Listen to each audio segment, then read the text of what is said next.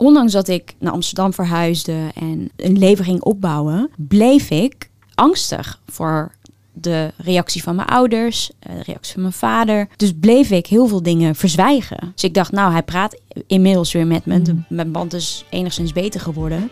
Dus als hij weer een klootopmerking maakte, dan incasseerde ik dat maar. Wij groeiden op tussen twee culturen. En wij, dat zijn Salima Bougtaoui en Oulianou Karim. Wij hebben het er vaak over met elkaar. Maar nu doen we dat niet met z'n tweeën. Elke aflevering schuift er iemand aan die met ons meepraat.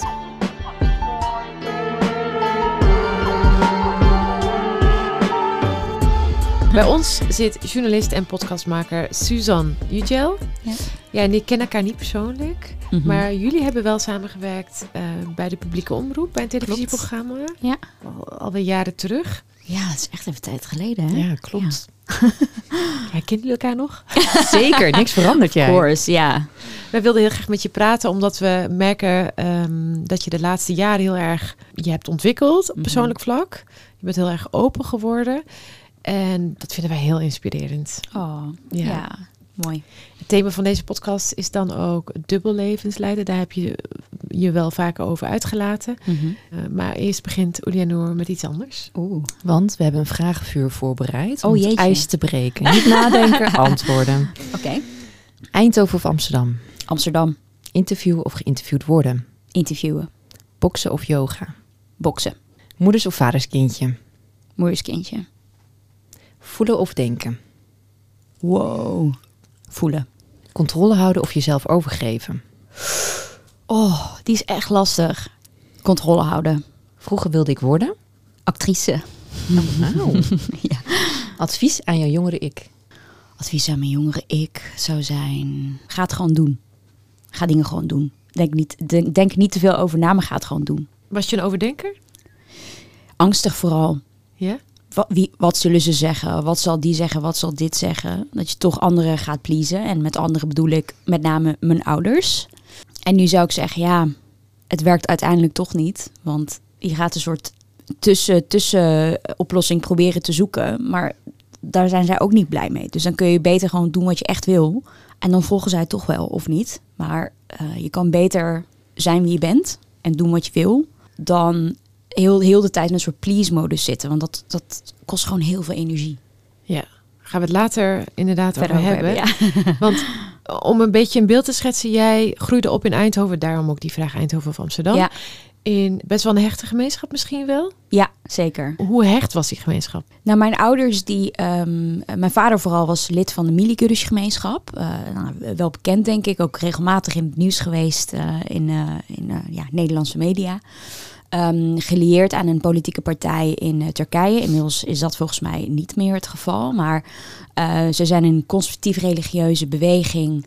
ehm, eh, verspreid door heel Europa. En mijn vader was daar moskeevoorzitter.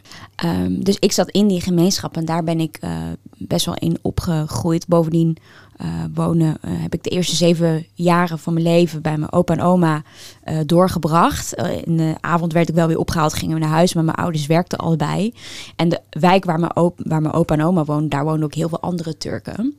Dus het is heel dubbel, want enerzijds is het heel gezellig en warm en staan mensen echt klaar voor elkaar.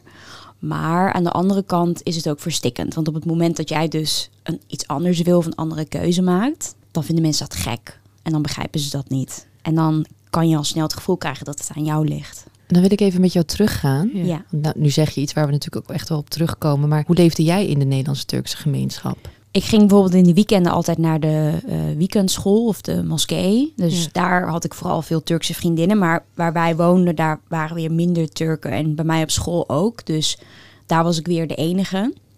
En ik vond het ergens ook wel fijn, want in die weekenden heb je mensen die op je lijken. Maar ik merkte ook dat ik me anders voelde dan, dan deze kinderen. In die zin dat zij bepaalde dingen wilden of zeiden waar ik me gewoon niet, meer, niet erg mee kon verbinden. Dan heb je het over de Turkse kinderen. De Turkse kinderen, ja. En wat zijn die dingen dan?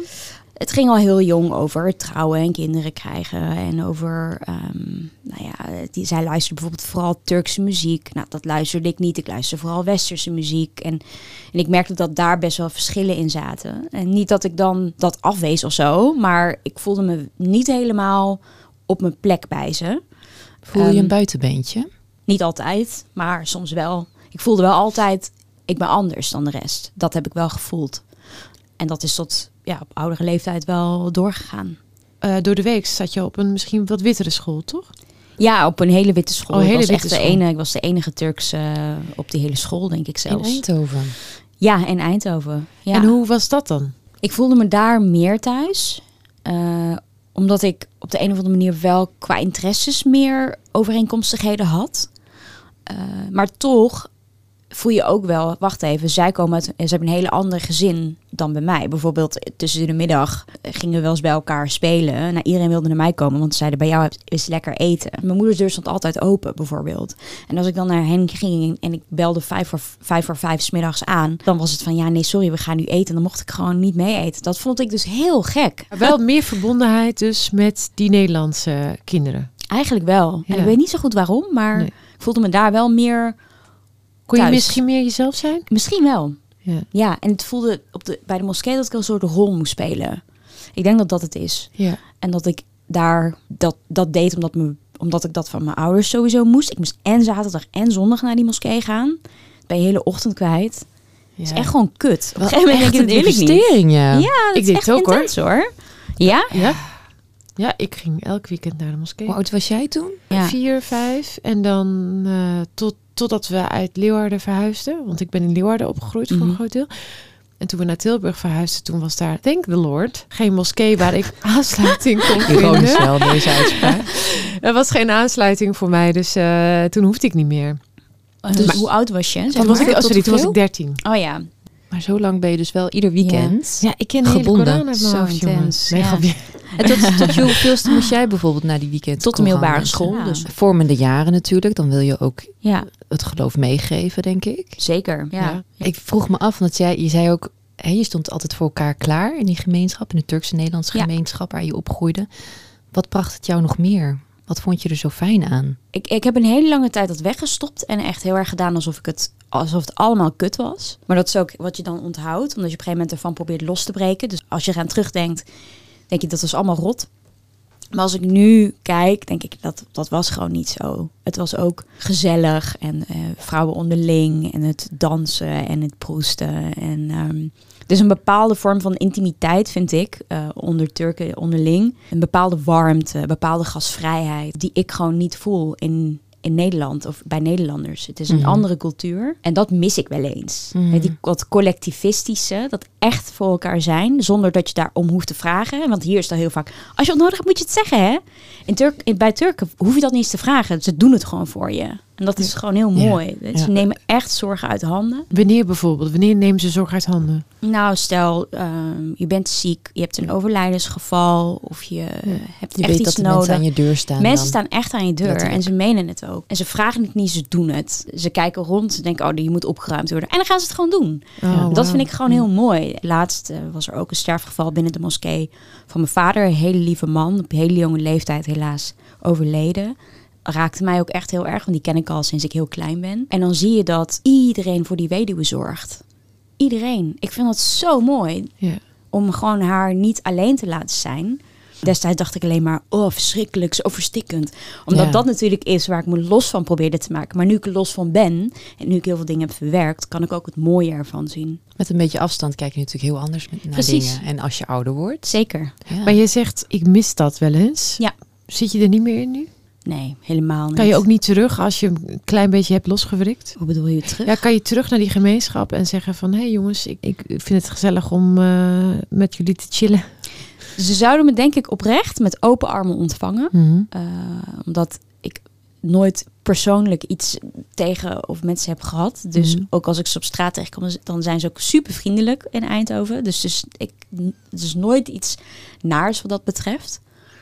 Maar ik weet niet of ik het zou willen. Omdat, wat zijn er, waar, ja, waar moet ik met ze over praten? Wat zijn de gemeenschappelijke dingen die je hebt? Ja. Anders dan herinneringen. Dus Ik voel er niet echt behoefte aan om het op te zoeken. Ja. Maar dat gemeenschappelijke gevoel, dat is soms wel eens iets waar, wat ik mis. Heeft het invloed gehad op het vormen van je eigen ik? Dat hele collectivistische. Hartstikke. Omdat het collect, dat eh, collectieve, dat staat op nummer één. Mhm. En jij bent eigenlijk een dienaar daarvan. Dat is wat ik heb geleerd. Jij als individu bent niet belangrijk. Jij staat in dienst van het geloof. Jij staat in dienst van deze beweging. Jij staat in dienst van een hogere macht. En jij als individu moet alleen daarin bijdragen. Maar wat jij zelf vindt en denkt en jouw mening, dat boeit niet. Want er is al een boek, er is al, eh, al die regels zijn al bedacht. Daar hoef jij niet nog een keer je brein over te breken. Eh, je moet het gewoon volgen. Je kan het wel leren. Maar jij als individu met jouw ideeën, en al, mijn idee al helemaal, want ik had elke keer dat ik dacht, ik vind het niet eerlijk. Ik vind het vrouwenvriendelijk. Dat zei ik altijd al. En dan dacht ze, oh, heb je haar weer, weet je wel. Met haar geze- gezeik en gelul. Dat Werd een beetje als lastig bloedirritant. Ja, dan, kwam ik weer met mijn eh, vingertje, weet je, van, eh, dat vind ik niet eerlijk, dat wil ik niet. Maar bleef je het wel doen? Ja, de hele tijd. Omdat ik het echt fucking irritant vond. Dat ik gewoon bepaalde dingen niet mocht. Ja. Puur en alleen omdat ik een vrouw ben. Ja. Dacht, wat is dit voor bullshit? Dat slaat toch nergens op? En toen zei ik, dit, dit kan God toch niet zo bedoeld hebben? Ja, maar vrouwen zijn meer emotioneel. Vrouwen zijn nou eenmaal meer zorgzaam. En dat ik dacht, ja, maar ik niet. Wat ben ik dan? ben ik een man of zo? ik Wat dan ben in? ik dan? Ja. Waar pas ik dan in? Ja. Ja. En op een gegeven moment zei mijn vader wel van... Ja, jij bent gewoon een beetje anders. Zeg ik, ja, maar wat bedoel je dan? Zo. Hoezo? Ik ben helemaal niet anders. Zei hij dat dan, ja? Ja, en dan zei hij, ja, jij bent gewoon een apart Turks meisje, zei hij dan tegen mij. Wat deed dat met jou? Dacht, ja, wat moet ik hiermee? Ja. Zo van, oké, dan voel je je buitenbeentje. En je vader bevestigt het ook nog eens, weet je. Ja. Zo van, ja, je bent ook gewoon een beetje apart. Terwijl ik nu weet, nee, binnen conservatieve kringen, binnen dit soort kringen, ben ik misschien een buitenbeentje. Maar er zijn zoveel andere Turkse meiden, zeker in Turkije, zoals Ja. ik. Dus dat is gewoon niet zo. Maar dat wordt je wel aangepraat. En je gaat het, je gaat het geloven ook, omdat dat die referentiekader is. Je sprak Ja. je uit, maar ehm, we hebben ook wel, eh, dingen van je teruggeluisterd. En daar heb je het over een dubbel leven Mhm. leiden. Ik ga toch even bij Oeli beginnen. Want Oeli, wij hebben het daarover gehad samen. Van, eh, goh, heb jij een dubbel Ja, leven wat- wat, geleid? wat gaan wij vertellen inderdaad? Ja, heb jij een dubbel leven geleid? En toen kwam jij met iets eigenlijk best wel bijzonders. Ik Mm. was heel erg zelfcensurerend. Heel snel. Ik leerde heel snel als kind. En ik dacht, oké, als je dat doet, dan, wordt, dan worden je ouders en boos. Maar vooral verdrietig vond ik heel erg. Mm. Dus toen ik op kamers ging, ik moest gewoon even wat vrijheid hebben. Ik merkte het ook heel erg aan mezelf. Dat ik een beetje mezelf verloor en niet Mhm. echt wist wat mijn stem was, wie Ja. ik was. Maar ik ging op kamers, maar ik durfde helemaal niks. Oh ja. Ik durfde s'avonds niet naar buiten. Ik wist niet wat voor baantje ik moest aannemen. Ik had wel eerder in de horeca gewerkt, maar was toch in het dorp waar we woonden. Dat was veilig. Ehm, ik was zelf eigenlijk ook een beetje bang. ja. Maar ook gewoon dat ik dacht, ja, maar ik wil geen dubbel leven gaan leiden. Waar was je bang voor? Ik had denk ik andere ideeën over goed en fout. Hmm. En ik denk dat ik heel erg ehm, voor mijn ouders nadacht. Van wat zouden zij goed of fout vinden? Want ik zag wel mensen, ik werkte op een gegeven moment wel in de horeca in de avond. was al big deal natuurlijk. En ik vertelde volgens mij aan mijn ouders dat ik overdag werkte. Kijk, dat is het ook. Als je is dubbel leven, houdt, weet je ook niet wat je hebt verteld. Ja. dus ik zat echt na te denken van hoe heb ik dit ooit mijn ouders verteld? Maar ik heb het mijn ouders niet verteld. Waarschijnlijk heb ik gezegd, ik heb overdag gewerkt. ja. Maar ik moest natuurlijk s'nachts naar huis. Mhm. Of ik zag s'nachts mijn collega's daarna. Kijk, dit hoeft helemaal niet. Maar ik was toch nieuwsgierig. Maar ik hield mezelf. Ik dacht, nee, dat is eigenlijk helemaal niet iets wat ik wil. Ik wil helemaal niet uit. En ik, ik wil helemaal niet experimenteren of Mhm. daten. Of... En dat heb ik eigenlijk best wel lang volgehouden. Dat ik mezelf dat ook voorhield. Dat je dacht dat Om het... maar veilig te blijven. Precies, dat je dacht van... Ik doe dit niet omdat ik dit niet wil. Ja. Terwijl je het misschien wel Ja. wilde. En het begon echt met afzetten van, bam, mensen die dat doen, dat vind ik echt verschrikkelijk. Met Mhm. een wijzende vinger. Ja. Van vriendjes hebben en uitgaan. Wat durf je? Ja. van naar, oh ja, nou goed, ik ben er dichtbij, maar ik doe het niet. Naar, oké, ik ga erheen. En de eerste keer dat ik uitging, had ik slippers aan. Ik vergeet het echt nooit meer. en ik wist niet wat me overkwam, alsof ik in een circus stond. Het was, ik was zo overprikkeld. Ja. Ik was gewoon echt, ik dacht, dit, dit doen mensen? Mhm. En eh, ja. Dit is leuk. Ja. ja, ik was te overwhelmed, denk ik. Ik Ja. weet niet wat ik ervan vond. En, Maar en, en je zus, die, eh, hoe besprak je dit wel met haar bijvoorbeeld? Ja, met haar kon ik het wel bespreken, maar ik heb het niet gedaan. Denk ik. Ik dacht ook van, nou ja, dit is mijn reis. Dit moet ik Mm. zelf uitvogelen. En waarschijnlijk heeft ze precies dezelfde reis afgelegd. Ja. Dus ik weet niet, ja, of jullie dat bespraken. Maar even terug naar jou, Slima. Waarin heb jij dan... Een Ik- dubbel leven geleid. Ja, ik luisterde die podcast. Je hebt er een keer een podcast over, Mhm. over opgenomen, Suzanne. En ik heb heel veel gelijkenissen met jou in, Mhm. dat, in dat opzicht. Want mijn dubbelleven ging he- gaat heel ver. Ging heel ver en is nog steeds wel een beetje aanwezig. Ehm, toen ik het huis uitging, bijvoorbeeld, en terug naar huis ging, dan let ik enorm op wat ik aandeed. Mm. Ik vind het leuk om me vrouwelijk te kleden. Maar als ik naar huis ga, dan doe ik daar gewoon een lang shirt overheen. Omdat ik niet wil dat mijn ouders daar zich zorgen om maken. Nog steeds doe ik dat. Want Ik wat ook. zou het gebeuren Ja, als je je doet dat ook? Ik hou daar ook je- rekening mee. Wat Ja, als je dat niet zou doen? Als je daar geen rekening mee zou houden? Ja, mijn ouders gaan echt niks doen hoor. Nee, en niks zeggen. het is iets meer dat ik voor mezelf uit een soort respect doe. Ja. Ja, Eh, maar ja, ik heb, ik heb zusjes van 22, die Mm. lopen in een crop top bij mijn ouders. Ja, denk, voor oh ja, ja, serieus. Dat is gewoon next generation. Die denken, ik, heb scheid. En dan denk ik, oké, prima. En ik, mij lukt dat bijvoorbeeld niet. Dus Nee. er zijn echt wel van die dingen in je hoofd... eh, waar zij niet eens mee bezig zijn. Maar ik vind dat uit een soort respect... heb ik dan uit, in mijn hoofd bedacht... mijn ouders hebben nooit iets gezegd. Maar toch doe ik dat ook. Ja, Ja, ja. dat is ook een stuk- stukje zelfcensuur. Hoe komt het dat je je kleding aanpaste? Eh, bij mijn ouders? Ja, bij je ouders. In eerste instantie. Toen je nog thuis woonde. Nou, kijk, ik heb eh, tien jaar een hoofddoek gedragen. Mhm. Op mijn twaalfde ben ik een hoofddoek gaan dragen. En die heb ik op mijn 22e afgedaan. Mhm. Eh, met heel veel pijn en moeite. Want mijn vader die, was het daar niet mee eens. Die heeft ook een half jaar niet met mij gepraat. En die zei ook, je bent mijn dochter niet meer, ik hoef je niet meer te zien. Dus dat heeft best wel een impact gehad op mij. En eh, zodanig dat ik denk ik vijf jaar lang in een soort permanente dissociatie heb gezeten. Waarbij ik weinig voelde en heel introvert werd. En ik ben niet, niet een introvert mens Nee. per se. Ehm, maar ik durfde heel moeilijk eh, mijn mening te geven, me heel erg te laten zien. Dus ik vond het makkelijker om mezelf weg te cijferen. Gewoon mijn energie totaal uit te schakelen. Ja. Dat heeft best wel lang geduurd. In die periode ging ik bijvoorbeeld wel heel veel uit. Extreem veel uit. Want op hoeveelste ging je op, op jezelf wonen dan? Want dit... Een half jaar nadat ik mijn hoofd, hoofddoek Oké. afdeed, toen werd ik 23. Toen ben ik uit huis gegaan. Toen eh, ehm, studeerde ik af aan de school voor journalistiek. Toen ben ik naar Amsterdam verhuisd. En eh, toen ben ik meteen gaan werken. En dus ging je heel veel uit. En heel veel uit. Omdat ik, en mijn eh, therapeut noemde dat mijn puberteit. Toen zei ik, huh, maar dat, ik was 23. Zei ze, nou ja, dan kan je alsnog puberen, zei ze. Dus ze zei, toen heb jij je puberteit. Ja, ik was een late puber. Alles wat ik niet kon doen, heb ik gewoon keihard ingehaald. Daar had ik gewoon heel veel behoefte aan. Maar het gek, het stomme was daarvan dat op het moment dat ik uitging en heel veel ging drinken of eh, nou ja, allerlei andere dingen ging gebruiken, dat ik toen pas eigenlijk me mezelf voelde. En dat is natuurlijk niet goed. Want dat betekent dat je zo nam bent, dat je zoveel, zo'n dikke muur hebt, dat je dus heel veel shit nodig hebt om die muren af te breken. Maar ja, dat hou je gewoon niet vol. Dus ik wist, vroeg of laat, gaat, gaan al die emoties die ik nu aan het wegdrukken ben, die ik gewoon niet voel, die gaan een keer bij me terugkomen. Ja. Dat wist je? Dat wist je? Dat wist ik, dat heb ik ook al hardop gezegd. Ik zei, ik ben nu alles aan het onderdrukken. En ik weet dat ik een keer eronder doorga. Ehm, en ik weet niet wanneer. Maar zolang ik het kan uitstellen, doe ik het. Want ik heb er geen zin in.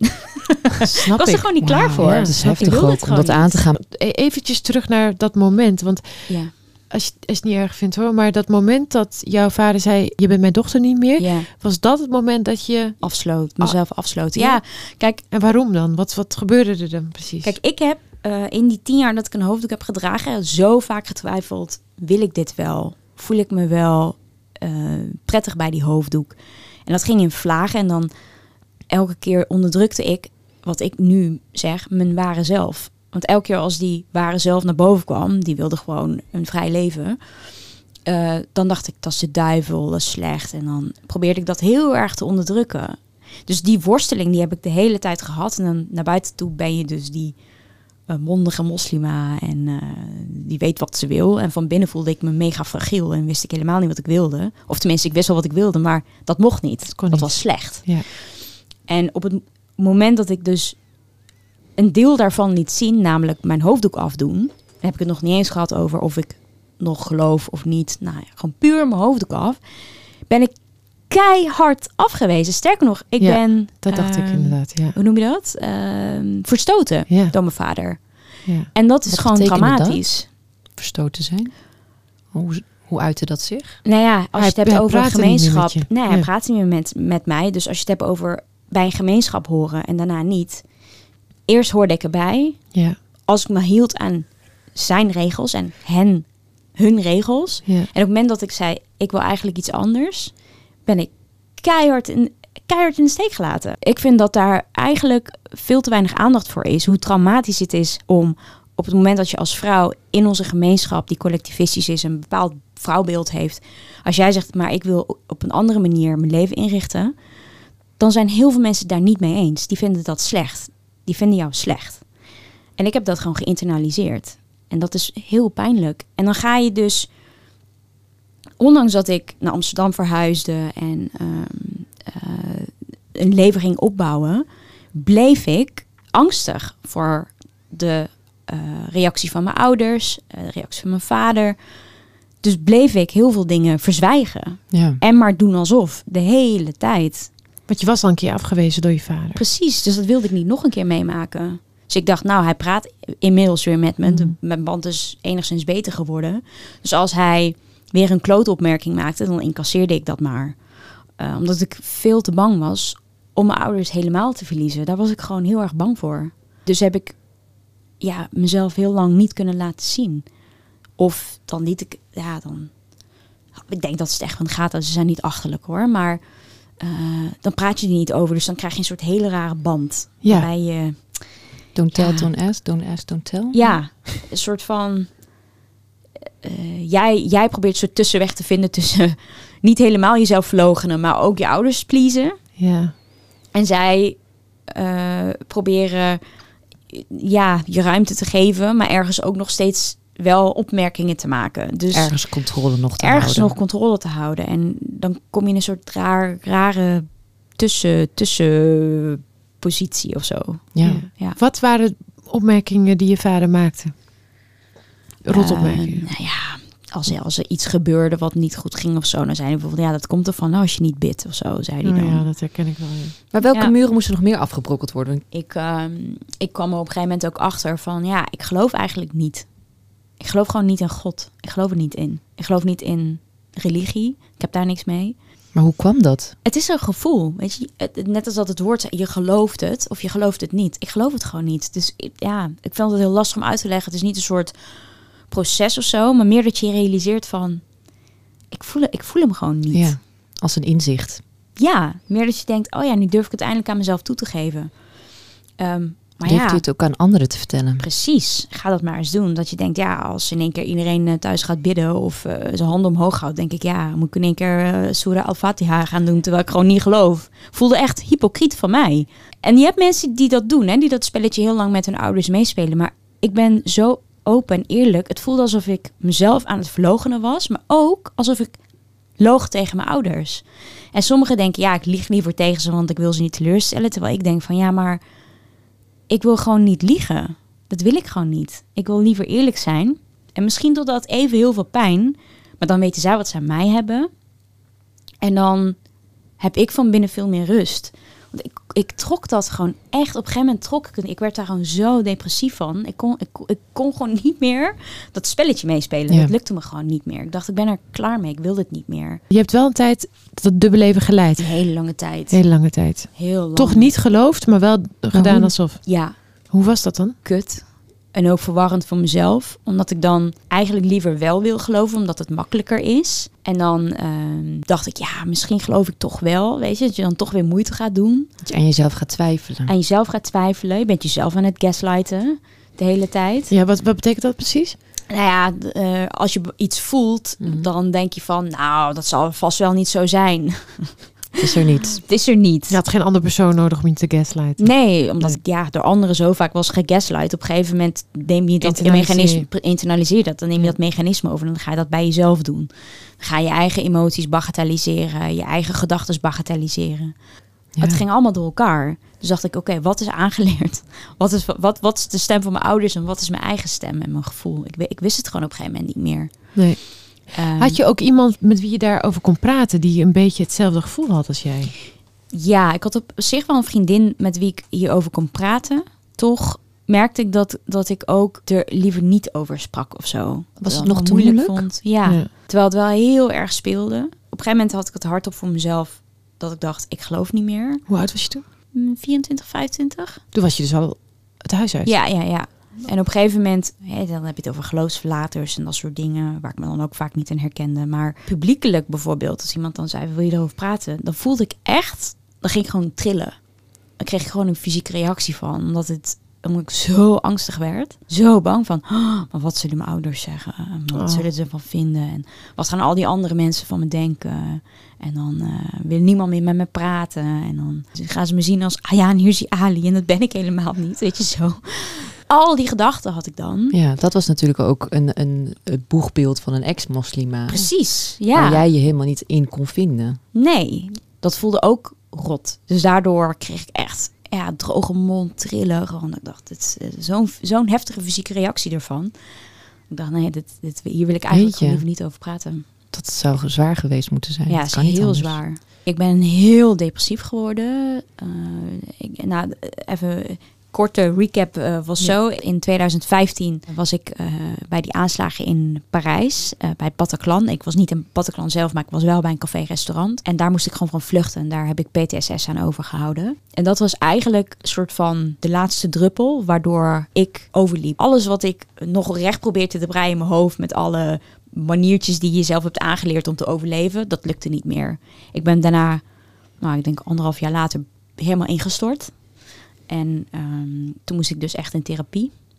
Eh, en toen ik hulp zocht, toen kwam al de shit van vroeger, het dubbele leven dat ik heb geleid, eh, het, het please gedrag wat ik vertoonde naar mijn ouders toe, het verloochenen van mezelf, eh, het hele eh, gedoe met mijn hoofddoek afdoen en het verstoten worden. Dat was zo intens, dat kwam allemaal naar boven. En ik eh, kon gewoon niet meer functioneren, helaas. Maar voor mij was dat wel het moment waarop ik dacht, ik moet hen gewoon vertellen wie ik ben. Want ik word gewoon depressief van niet mezelf kunnen zijn. Ik werd daar heel depressief van. Ik kon dat, mij lukte het niet meer om dat dubbele leven te leiden. Godzijdank, want het, is, het kost zoveel energie. De energie die wij kwijt zijn met dat dubbele leven, daar zouden wij. Ik, ik zou nu fucking minister-president kunnen worden met, met de energie die ik Met daarvan. die inzet. Ja, maar echt waar. Het kost zo Ja. ongelooflijk veel energie. Slopend. Zo slopend. Ook in je hoofd. Kan je, kan je uitleggen wat het zo slopend maakt? Kijk, voor mij was het echt zo. Iedere stap die je zet, denk je over na. Oh, als ik bijvoorbeeld een tattoo neem. Wat zou mijn vader zeggen? Wat zou zeggen? Waar zal ik die tattoo plaatsen? Ja, niet te laag. Want dan als ik een kort truitje aandoe, dan, dan kunnen ze dat zien. Terwijl een normaal mens denkt, ik heb zin in een tattoo. Ik ga een tattoo nemen. Misschien vindt mijn vader het niet leuk. Ah ja, boeien. Je neemt hem. Ja. Je drinkt een glas alcohol en je denkt... Oh, ik voel me echt slecht hierbij. Oh, dit is eigenlijk niet goed. Dat is, je hebt je hele leven heb je geleerd dat dat niet goed is om te doen. Dus dan ga je, voel je je fucking schuldig. En de volgende dag heb je een kater. En dan, normaal mensen denken, ik heb een kater. Zo, balen joh. En jij denkt, zie je, had ik niet moeten doen. ben en dit slecht. niet, ik ben slecht. Ik ben een slecht persoon. En ga je ook dat nog eens erbij Heel nemen. zwaar. Dus alles wat je doet, er komt heel veel schaamte, schuldgevoel. Eh, je voelt je ook nog eens rot naar je ouders toe, want je bent ook nog eens aan het voorliegen over wie je eigenlijk bent. Dus je bent daar de hele tijd mee bezig. Ja. Of, of je gaat, nou als ik iets in media of zo deed, dan ging mijn woorden zodanig kiezen. Want, dan, want ik dacht, oh jeetje, als mijn ouders dit horen, dan weten ze in ieder geval eh, niet dat ik eh, dit en dit of dat Ja, heb gedaan. heel selectief. Dus heel selectief. Je denkt overal continu duizend keer Ja. over na. Ja, ik herken het wel heel erg. vermoeiend. Ik herken het wel heel erg. Maar Hoe- ik moet, ja, eerlijk, hoe is dat voor jullie? ik moet eerlijk zeggen dat ik het misschien nog steeds doe. Onbewust, omdat je natuurlijk zo bent opgegroeid. Dat is niet iets wat je heel makkelijk loslaat. Nee. En laatst betrapte iemand mij op iets. Zei, ja, maar waarom lieg je daarover? Dacht ik, ik weet het niet. Wat was het dan? Wat was het? Ja, waarschijnlijk. Ik weet het niet eens meer. Maar gewoon, ik ben ook bijvoorbeeld freelancer en dan wil ik niet. Dat Oh ja. is ook gewoon soms dat ik mijn ouders hun angsten niet wil aanbakkeren. Mhm. Dat ik zeg, oh ja, ik, ik werk. Terwijl ik eigenlijk even tussendoor geen, geen klus heb. Dat is iets heel anders wat jij uitlegt. Maar dat is meer wat ik, nu als volwassene doe. Denk ik, oké, Ja. zij moeten angstloos en bezorgd, onbezorgd door het leven kunnen. Mhm. En ik moet daar aan bijdragen. Maar ook gewoon dat ik inderdaad eh, ja, niet vertel dat ik eerder heb gedate. Ik heb nu wel een vriend en ik Mhm. heb eh, hem voorgesteld, niet zo lang geleden nog. Nou ja, als 34 zat ik een beetje te trillen op mijn benen. Ik durfde Ja. het ook niet in real life te vertellen. Ik heb mijn moeder uiteindelijk gebeld Mhm. en verteld. Ehm, Hoe reageerde ze erop? Ze pakte het goed op. Alleen ze kwam er ook mee terug. Ze kwam erop terug. Oké. Ehm, ze wilde wel dat wij een, eh, een ehm, traditionele ceremonie zouden gaan doen. Oh, een ja. islamitische ceremonie. En voor haar ja, heb ik dat wel over. Mhm. Eh, alleen vind ik dat ook moeilijk om Ja. dat te doen. Want ik denk, wil ik dat echt zelf of doe ik dat voor haar? Ja. Maar soms denk ik, ja, misschien moet ik soms dingen inderdaad voor mijn ouders doen. Maar ik sleep wel iemand mee, dat is mijn vriend. Ja. Ehm, en daar moeten we gewoon goede gesprekken over hebben. En ik heb tegen mijn ouders gezegd, beschouw ons als maar getrouwd. Ja. En dat kun je ook tegen de familie vertellen. En eh, ja, die ceremonie, dat, dat, ja, als, als je dat belangrijk vindt, dan vinden wij dat ook belangrijk. Ja. Alleen, ja, en ik snap het, want ik ging samenwonen en dat is echt not done. Mm. Ongetrouwd? Ja, Echt not echt done. not done. Maar ik merkte, oké, zij moeten ook wennen aan het idee dat Mhm. ik ehm, misschien dingen van ze vraag wat ze onwennig vinden. Ja. Onwennig, eh understatement. Ja. Wat ze verschrikkelijk eigenlijk vinden. Ja. Maar de tijden zijn veranderd. Eh, ze hebben mij opgevoed in Nederland. En ja, daar kennen we andere normen en waarden.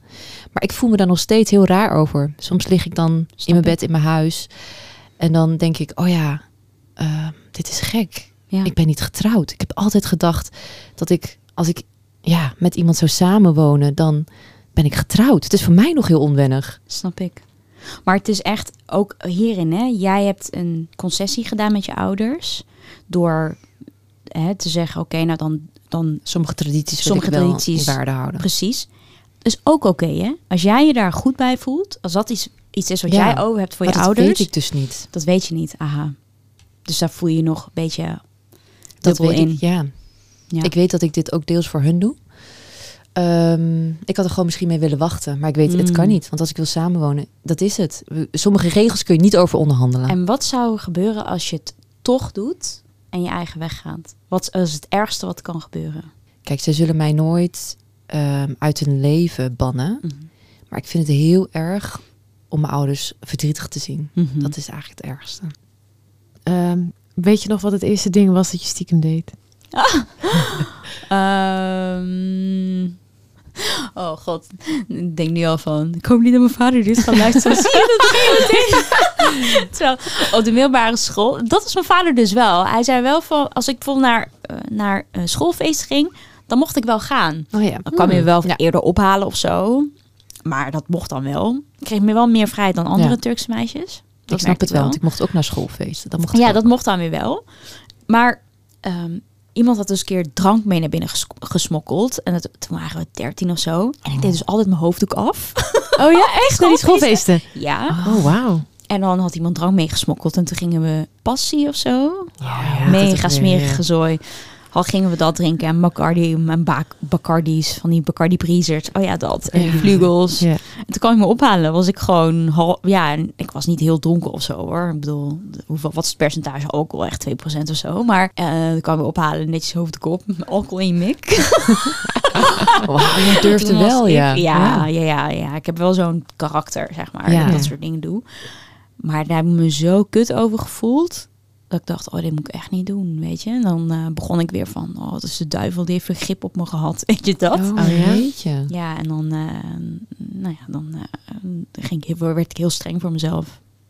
De, dag, de dagen daarop volgend. Ja, ja, ja. En dan kreeg ik weer een soort van, dacht, dan ging ik het, dan ging ik extra veel bidden en dat soort dingen doen, omdat ik dacht, oh, het is heel slecht wat ik heb gedaan. Ja, Maar had je dan ook achteraf wel iets van, oh, ik heb er wel plezier van gehad? ja, tuurlijk. Als Ja. ik er nu op terugkijk, denk ik wat, wat schattig. Weet Ja. je, het is gewoon dat je experimenteert. Ja.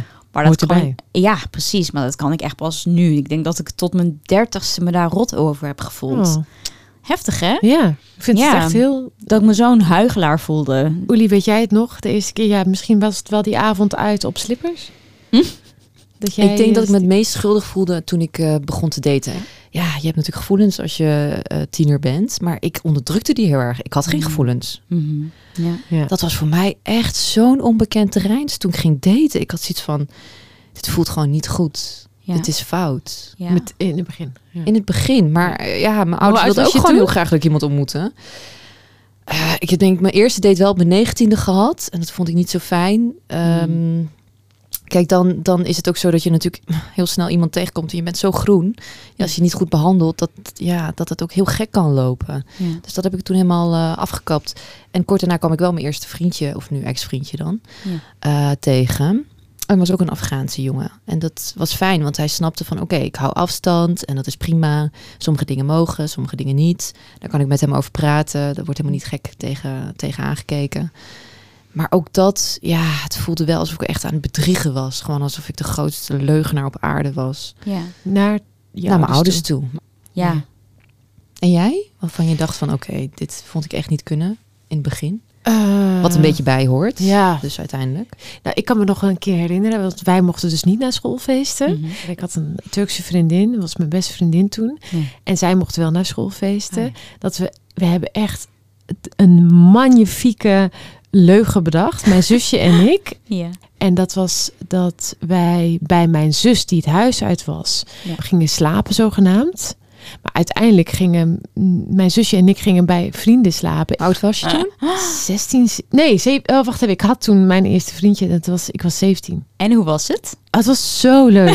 het was zo leuk. Wij zeggen ik was- houdt erg van dansen. Dus Ja, ik ben echt, ja, ik dus ga echt, op een top Ja. dansen. ja, ik vind het super leuk om te dansen. voorstellen. dronk natuurlijk niet. Of Mhm. natuurlijk, ik dronk niet.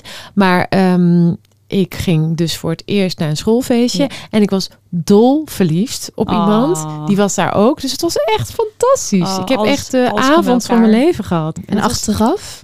ik voelde me nergens schuldig. Wat heerlijk. Heerlijk Nee. meid. Nee, maar dat komt natuurlijk. Ja, dat komt ook omdat mijn zus was betrokken en mijn zusje. Dus wij deden Mm. het collectief. Ik zou eigenlijk nog wel willen ingaan op hoe jouw band met jouw ouders is veranderd. Daar hebben we het kort over gehad. Ja. Kun je dat ons een beetje meenemen in het proces? Hoe dat veranderde toen jij jezelf ook veranderde? Toen ik in therapie ging, ga je het automatisch hebben over je jeugd en over de band met je ouders. Want dat heeft gewoon heel erg invloed op hoe jij naar dingen kijkt. En Ja.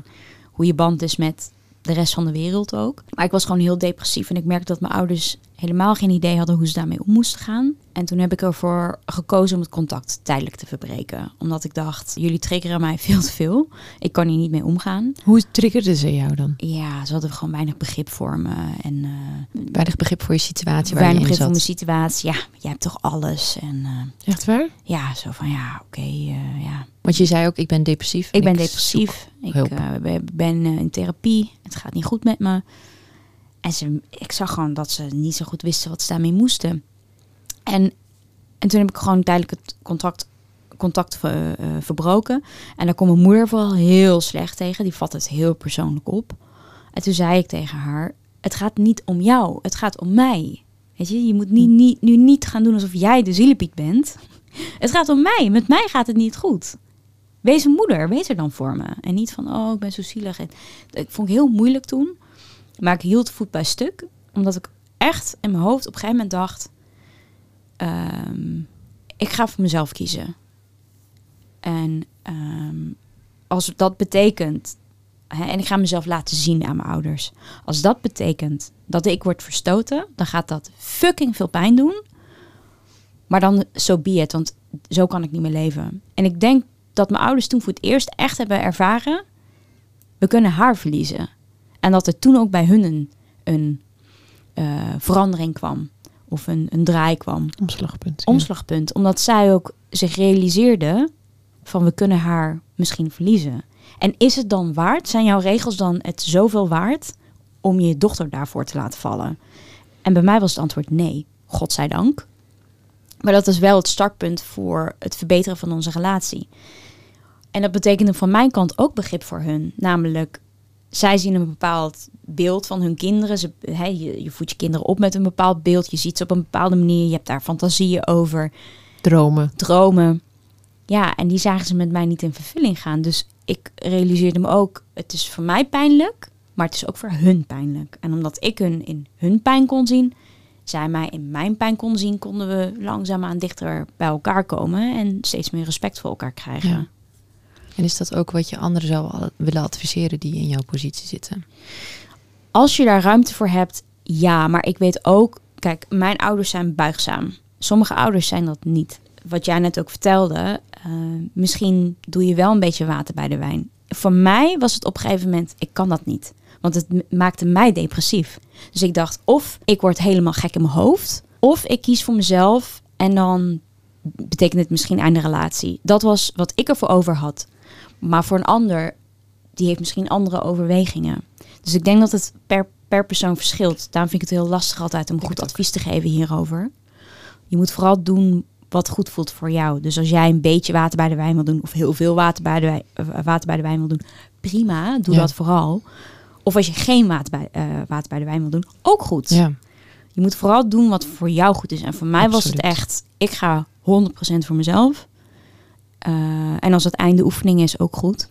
Want ik trek dit gewoon niet meer. Dat was echt mijn houding. Ja. Heb je toen ook echt een gesprek met ze gehad daarover? Ja, ik heb op een gegeven moment, ik durfde het gewoon niet alleen. Dus ik heb dat in systeemtherapie heet dat volgens mij. Dat je, Oh, dat je ja.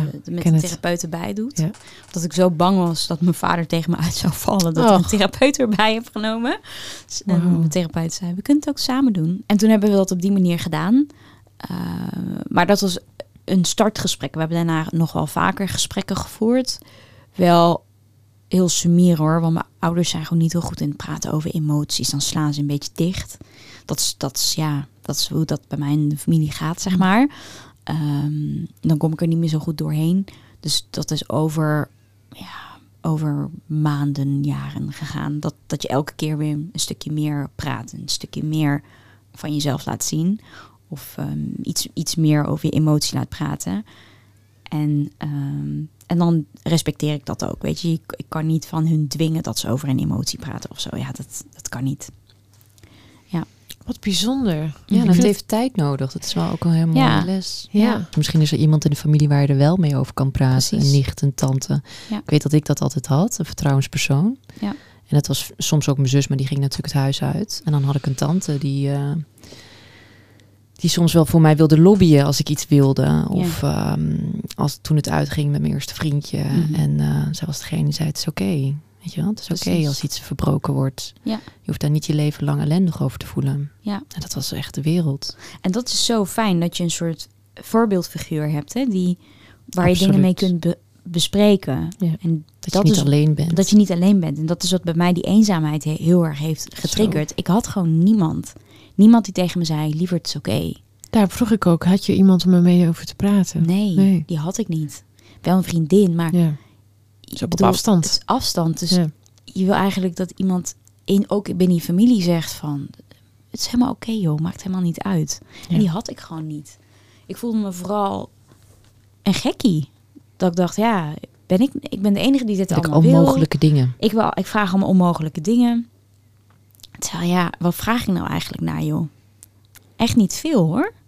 Maar je autonomie. Mijn autonomie, ja. En daar, kunnen ze, daar kon ze gewoon niet tegen. Waarom, ja, waarom wil je dat? Of waarom, waarom moet dat of zo? Uh, en eerst denken ze, is een bevlieging. Op een gegeven moment dan uh, ziet ze het licht wel weer. En hoe ouder je wordt, de meer denken, mm, nee, dat licht gaat zij niet meer zien. ja, er zijn natuurlijk andere hopen verwachtingen, maar daarin ja. moeten we elkaar uh, op een gegeven moment gaan, laten. Precies, op een gegeven moment gaan zij ook dat accepteren. Ja, ja. en je moet ze ook meenemen en ook accepteren precies. dat ze daar ook hun mening over mogen hebben. Exact. Zolang ze mij in je waarde laten. Dat, ja. ja mooi. Een heel mooi einde eigenlijk. Mm. Gaan we afronden. Dankjewel, Suzanne, voor Jullie al je bedankt. openheid.